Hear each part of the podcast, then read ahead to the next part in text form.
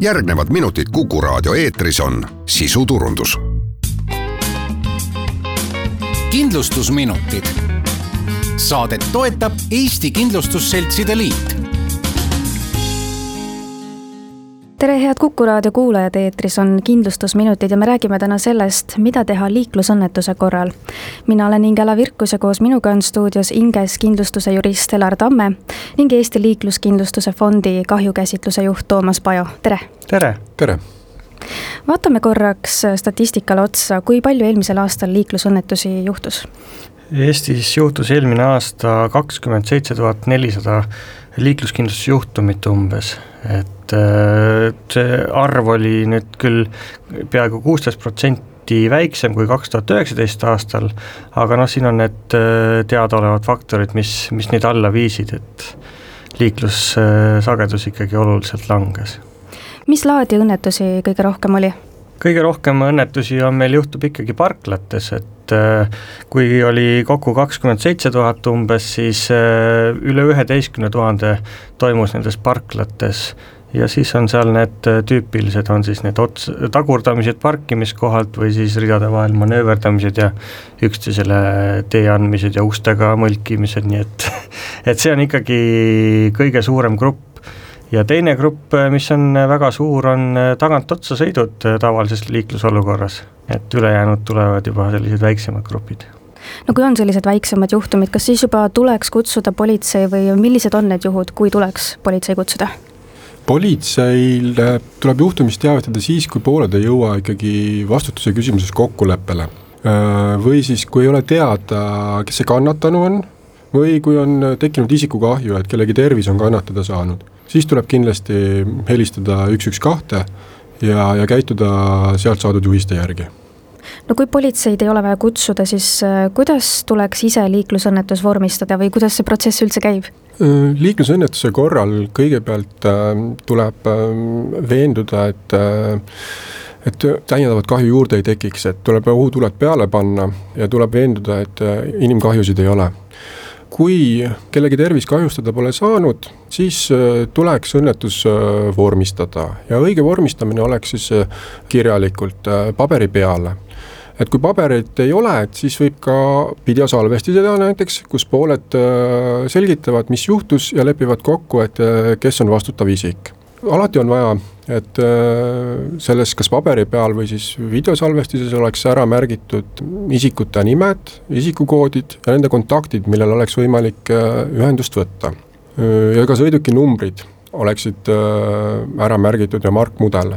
kindlasti soovitaks teha sündmuskohal fotosid, rohkelt nii sündmuskohast, sõidukite vigastustest, kus on näha need värsked vigastused just, ja, ja sõidukite registrimärkidest ja noh, õnnetuste puhuks soovitamegi ka, et oleks teil alati kaasas äh, vähemalt äh, valge paber või siis äh, liiklusõnnetuse teade, et igaks juhuks, kui midagi peaks juhtuma, et siis saate koheselt ka vormistada.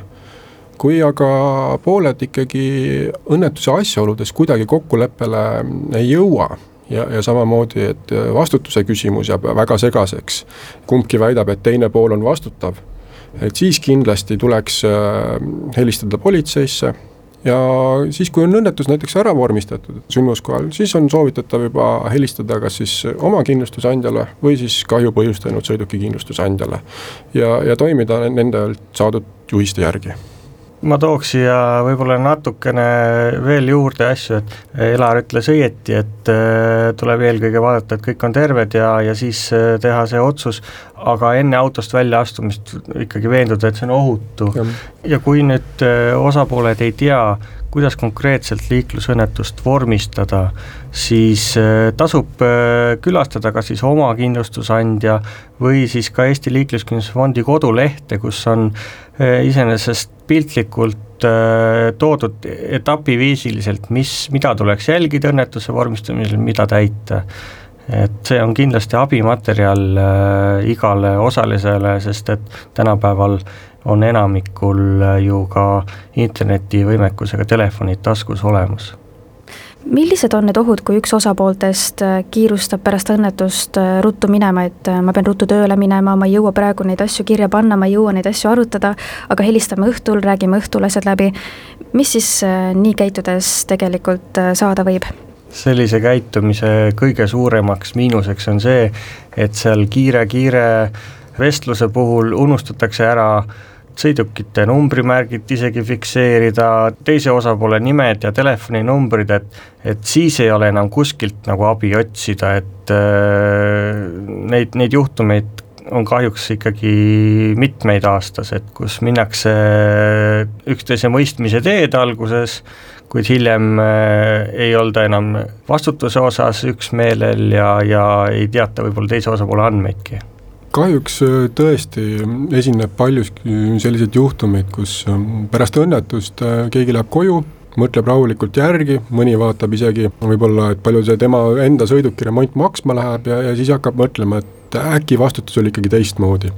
et äkki tal ikkagi on, on võimalik pääseda ise vastutusest ja saada siis hüvitist äh, teisest seltsist.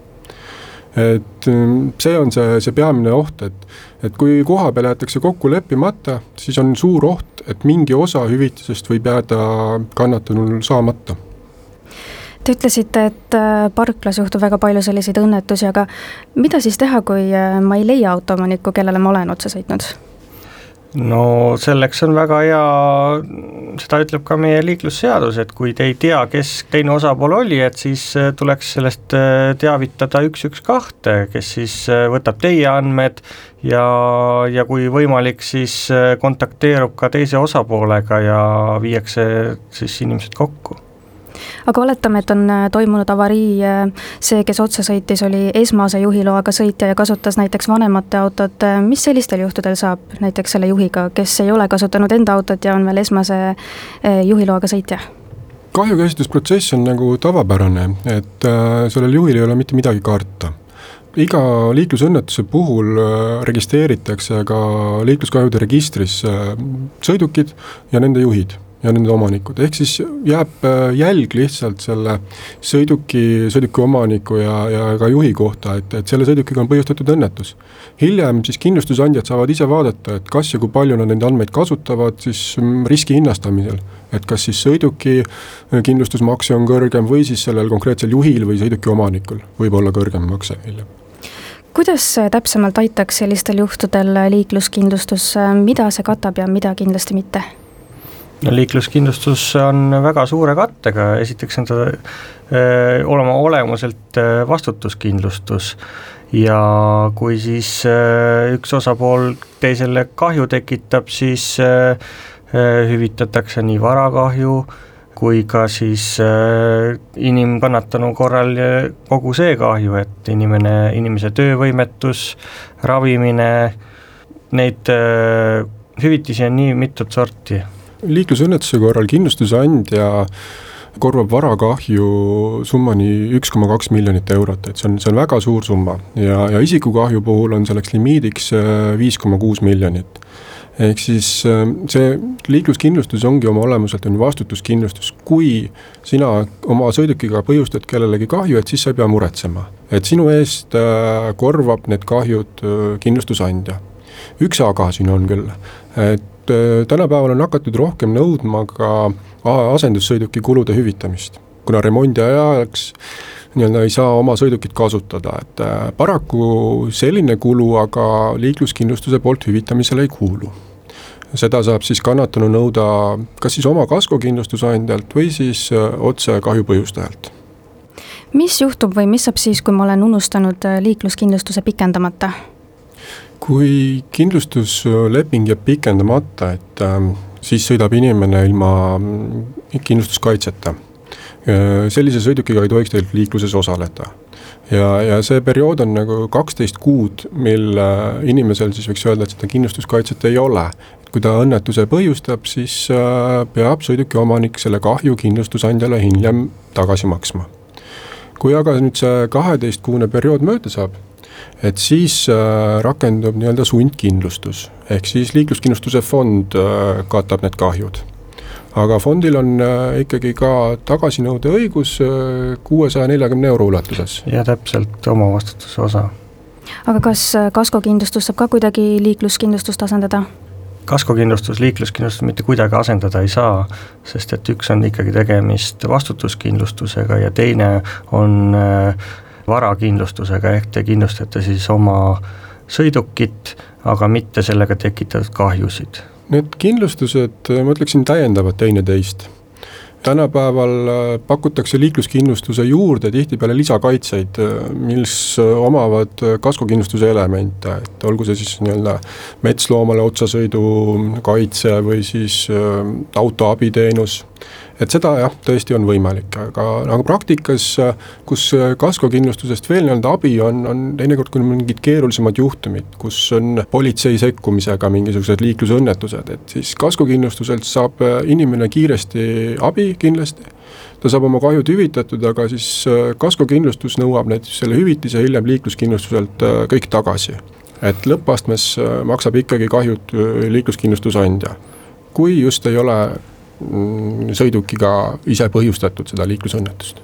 ja veel, et äh, kaskokindlustus aitab ka kindlasti sellisel juhul, kui kui teil näiteks sõiduk oli pargitud, aga see kahju põhjustaja on sündmuskohalt üldse ära läinud ja ei ole mitte mingitki võimalust tema ülesleidmiseks, siis äh, kaskokindlustus teie sõiduki kahju äh, omavastutusest suuremas osas kannab siinkohal ongi aga tänaseks hea lõpetada, mina olen Ingela Virkus. tänan teid kuulamast ja koos minuga olid stuudios Inges kindlustuse jurist Helar Tamme ning Eesti Liikluskindlustuse Fondi kahjukäsitluse juht Toomas Pajo. aitäh teile saatesse tulemast ja nõu andmast. aitäh teile ka. kindlustusminutid. saadet toetab Eesti Kindlustusseltside Liit